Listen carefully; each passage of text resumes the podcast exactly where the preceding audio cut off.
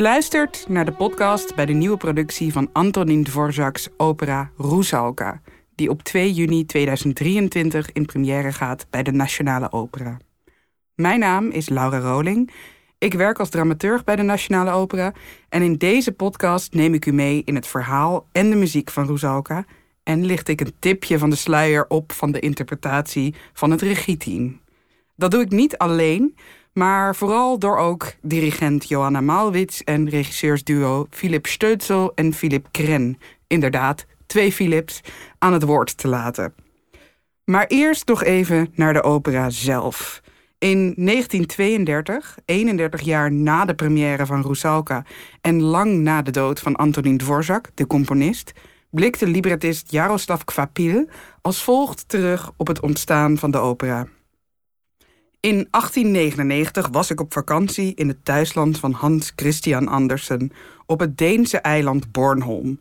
Ik dacht er terug aan mijn kindertijd, aan Andersens sprookje over de zeemermin, waarin de zeemermin uit liefde voor een mens haar stem opgeeft en zelfs eeuwige vervloeking riskeert als hij haar verlaat. Dat doet hij, en van deze vloek kan ze zich alleen bevrijden door het bloed van haar geliefde te vergieten. Maar dat weigert ze. Vanuit dit thema begon ik aan een libretto met de atmosfeer en de toon van Karel Jaromir Erben. Tot zover het citaat of de herinnering van librettist Jaroslav Kvapil. Deze Karel Jaromir Erben, die hij noemt, was een folkloristische dichter van balladen over boheemse sprookjesonderwerpen, zoals de watergeest Vodnik, die ook in Rusalka terugkomt als uh, ja, Rusalka's vaderfiguur. En door de toon van deze boheemse uh, ja, stijl en deze lokale personages te adopteren, creëerde Quapiel een libretto dat vanaf het allereerste begin, de allereerste woorden die uitgesproken worden, een niet alleen een universeel herkenbaar sprookjesonderwerp, dat van de kleine zeemermin, maar ook een zeer specifieke couleur lokaal bevat. Laat dat het samenbrengen van het universeel herkenbare en het lokale boheemse nou ook net de specialiteit zijn geweest van componist Antonin Dvorak, die zelf zijn internationale roem had verworven als Tsjechisch nationaal componist bij uitstek. Hij stond er namelijk om bekend dat hij internationale ontwikkelingen op muzikaal vlak als geen ander kon verweven met, in zijn geval, boheemse, lokale muziek, tongvallen, stijl, atmosfeer. Zijn Slavische dansen waren bijvoorbeeld een groot kastsucces geweest, waar de muziekuitgever van Dvorak uh, ja, goede handel mee dreef. In heel Europa en daarbuiten. En de roem van Dvorak strekte zelfs zo wijds uit dat hij in de jaren 90 van de 19e eeuw in Amerika werd uitgenodigd om daar de National Conservatory te leiden. En daar in Amerika een nationale muziektraditie naar het Tsjechische model dat hij zelf in zijn thuisland had ontwikkeld en blijkbaar een expert in was, ook daar in de Verenigde Staten toe te passen. De succesformule moest hij daar herhalen. In de VS dook Dvorak dan ook gretig in de muziek van de oorspronkelijke bewoners van het continent en de vele zwarte Amerikanen. En Dvorak heeft daar zeker ook zijn sporen nagelaten op een generatie componisten. En ook horen we Amerika terugkomen in zijn eigen werk. Bijvoorbeeld zijn bekendste symfonie nummer 9 uit De Nieuwe Wereld is niet weg te denken uit concertzalen overal ter wereld. Tot op de dag van vandaag. In 1901, het jaar waarin Rusalka in première ging, was Dvorak 60 jaar oud en sinds enige jaren weer terug in zijn thuisland. Het libretto van Jaroslav Kvapil was een kolfje naar zijn hand, juist door de combinatie van universele en lokale elementen. Enerzijds horen we in Rusalka een aantal typische invloeden van Richard Wagner en anderzijds klinkt het werk ons ook specifiek Tsjechisch in de oren. Waar zit dat hem in? Volgens dirigent Johanna Malwitz heeft dat onder meer te maken met het natuurlijke ritme van de Tsjechische taal.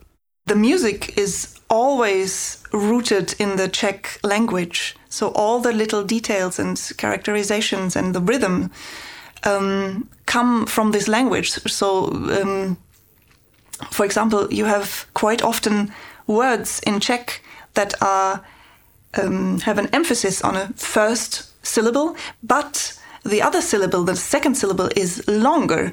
So the best example, for example, is dvořák. So the accent is on the first syllable, but still you have the long um, second note, and this is where all these syncopated rhythms come from. And um, it's fascinating to see how, at all times, the music and the uh, text go hand in hand. Maar dat is niet het enige kenmerkende aan deze opera. In Rusalka volgen we een waternimf, een Rusalka. Het is namelijk geen eigen naam, maar een soortnaam.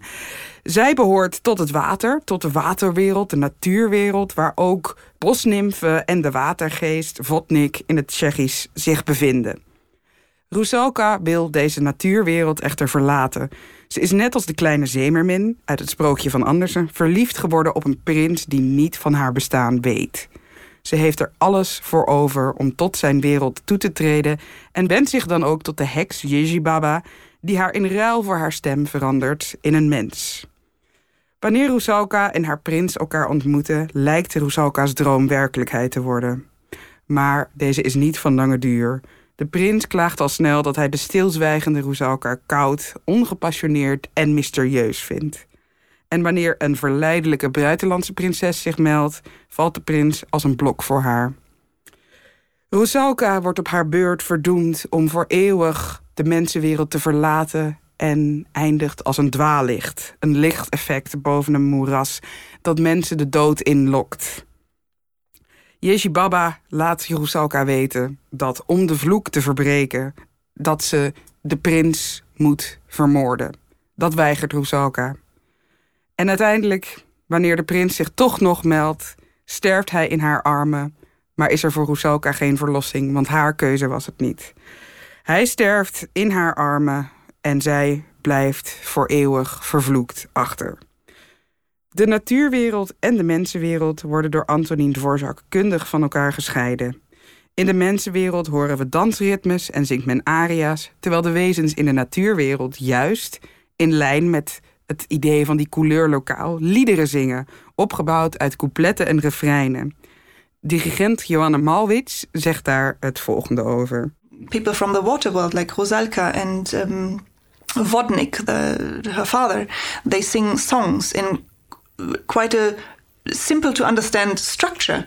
Nonetheless, they are very um, emotional and also dramatic. But in this simple structure, whilst the human, when the prince, we hear the prince for the first time, he sings a real aria, which is more complex in form and structure. And also, when Rusalka then um, gets part of this human world, uh, she also sings in a different form. Um, while, of course, she is not singing to the prince, but only Wodnik can understand her. Wat ook bijzonder is aan Rusalka, is dat het een opera, juist een opera is, waarin het hoofdpersonage gedurende het tweede bedrijf geen stem heeft. Vooruit, Dvorak gebruikt één escape en laat Rusalka in het tweede bedrijf een aria zingen tegen de watergeest Vodnik. Die kan haar wel horen. Ze heeft alleen geen stem ten opzichte van mensen. Maar over het algemeen is Dvorak heel vindingrijk in het uitdrukken van de emoties van deze stilzwijgende waternimf. Ik geef het woord aan Joanna Malwitz. To write an opera about a protagonist who doesn't speak, how are you going to do that? And of course, Dvorak finds the most dramatic way for us to hear at every moment what Rusalka wants to say, what she's feeling, what she's thinking.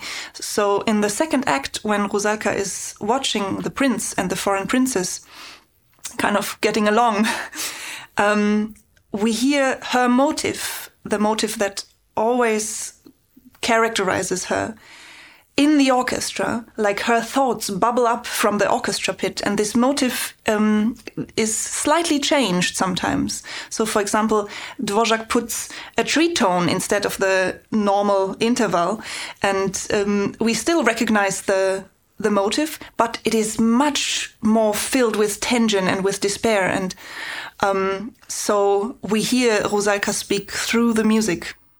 En om dat te illustreren heb ik een aantal fragmenten van het Rusalka-motief uit de opera geknipt om dit te laten horen. Wanneer de opera nog maar 20 seconden onderweg is, horen we Rusalka al verschijnen in de muziek. met een motief dat sterk haar verlangen uitdrukt. Dat klinkt zo.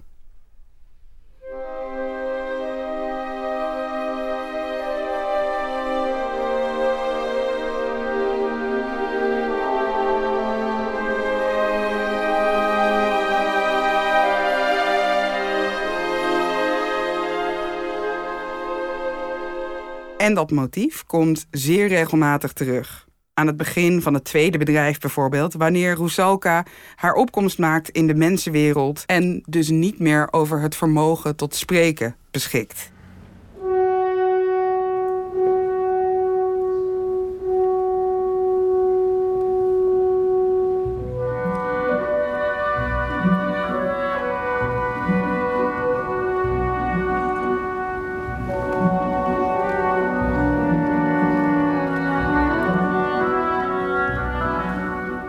En naarmate ze de prins verliest aan de verleidingskunsten van de buitenlandse prinses, keert het motief van Rusalka met een steeds toenemende wanhoop en angst terug. En vertelt ons met de muziek, met het orkest, wat Rusalka op dat moment met haar stem niet uit kan drukken. Dat klinkt zo.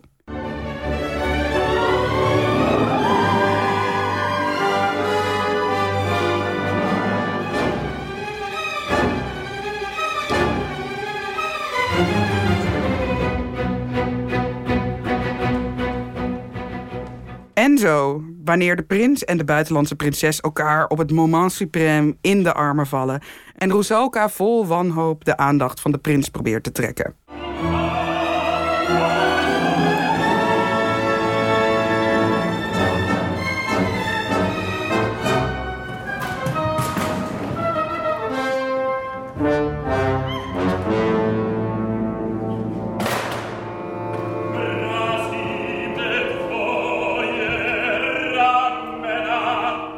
En helemaal aan het eind van de opera, wanneer de prins zojuist in haar armen gestorven is, horen we Rusalka's motief opnieuw. Dit keer met de plechtigheid en de treurnis van een begrafenismars.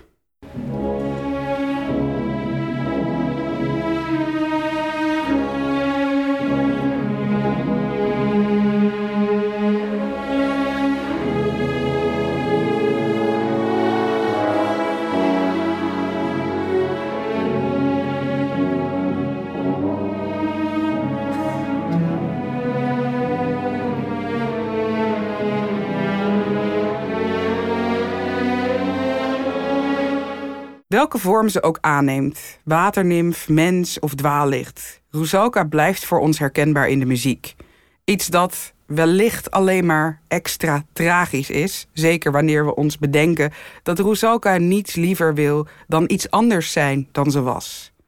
Of iemand anders in de regie van Philip Stölzel en Philip Kren. In hun interpretatie is Rusalka geen waternimf, er zijn geen meren, er zijn geen bossen. Ze droomt er ook niet meer van om mens te worden, dat is ze al. Ze is namelijk een jonge vrouw aan de zelfkant van de samenleving. In het eerste en het laatste bedrijf loopt ze rond op een ongure straat in New York in de jaren 60. Er lopen criminelen rond, prostituees, zwervers en junkies. En Rusalka is er daar één van. Haar uitvlucht zoekt ze afwisselend in de heroïnespuit en de mierzoete films die ze in de bioscoop ziet. En soms in allebei tegelijk. Ze is verliefd geworden op een van de filmsterren op het witte doek en wil niets liever dan bij hem zijn. Daarover zegt regisseur Philip Stölzel het volgende. And there's Rosalka, who's going every day in the movie theater and watches these movies coming from uh, Hollywood. Um, you know, uh, referring to sort of this uh, uh Hollywood review um, movies, which is really about um, dreaming yourself away in the um, in another, you know, dreaming for one hour or one and a half hours. Rusalka weet echter dat de wereld van de glamour en de rich and famous voor haar gesloten zal blijven. Tenzij de op Marilyn Monroe lijkende actrice in de armen van de prins, die wil Rusalka worden en dat wordt een obsessie. Haar kapsel wil ze, haar taille, haar lichaam, letterlijk. Ze wil haar plek innemen. En even lijkt dat ook te lukken. Rusalka betovert na haar makeover in haar nieuwe gedaante de acteur die in werkelijkheid heel iemand anders blijkt te zijn dan in de films. Een stuk minder charmant en lieflijk. De Hollywood-droom van Rusalka wordt eenmaal in Hollywood al snel een nachtmerrie. Regisseur Philip Stultzel is zelf ook werkzaam als regisseur van films en van televisieseries. En die ervaring op de set neemt hij mee in de manier waarop hij het tweede bedrijf vormgeeft wanneer Rusalka in Hollywood is. Het maken van films is, zegt hij, een stuk minder magisch en minder spannend dan het lijkt. Zo zijn er de eindeloze retakes van bepaalde scènes die steeds weer opnieuw moeten en staan er net buiten het shot vele crewmembers en technici klaar. My personal experience is that like I, I get often asked, can I, you know, by other people, can we um, can we visit you on set? So like, yeah, come along, but don't be disappointed. And people come along and then they, uh, they're shocked how boring it is because it's sort of it's always repeating and so technical and you never feel anything. Um, so it's mainly it's like coming on a film set is a disappointment. Rusalka verliest zich in de productie van Philip Stultzel en Philip Kren in een onvermogen om fantasie de Hollywood-droom van realiteit te onderscheiden. En dat zien we ook terug in de manier waarop het stuk geregisseerd is. Soms weten we zeker in het derde en het slotbedrijf niet hoeveel van wat we zien illusie is en hoeveel werkelijkheid. Wat is er echt, wat is er niet echt? Regisseur Philip Kren zei daarover het volgende bij de start van de repetities. And even when we're in a realistic world, like Philip said, we try to keep bit this fairy telling as well. So we will have some scenes that are not logical and not realistical, yeah, because you're dreaming yourself away. You're dreaming for the prince, and sometimes the princes arrive, and you have a little dance with him, and he's gone again. Is een verloren ziel die hoopt in een suikerzoete Hollywood-droom een uitweg uit haar hopeloze bestaan te vinden, maar daarin bedrogen uitkomt. En dat is wat u ook duidelijk zult zien op het podium: een botsing tussen droom en verlangen, en de harde realiteit van het mens zijn. Of, zoals Marlene Dietrich het verwoordde in een lied dat voor de regisseurs bijzonder van toepassing is op hun interpretatie van Rusalka. Want to buy some illusions, slightly used second hand. They were lovely illusions, reaching high, built on sand. They had a touch of paradise, a spell you can't explain. For in this crazy paradise you are in love with pain. En zo zijn we toch weer terug bij de sombere kern van de opera die Antonin Dvorak meer dan 120 jaar geleden componeerde. Rusalka wordt in het kader van het Holland Festival van 2 tot en met 22 juni uitgevoerd in Nationale Opera en Ballet in Amsterdam. Op 15 juni wordt de opera bovendien gratis vertoond in Park Frankendaal in het kader van Opera in het Park. En drie kwartier voor aanvang van de voorstelling is er bij iedere uitvoering een inleiding in het souterrain. Bedankt voor het luisteren en tot in het theater.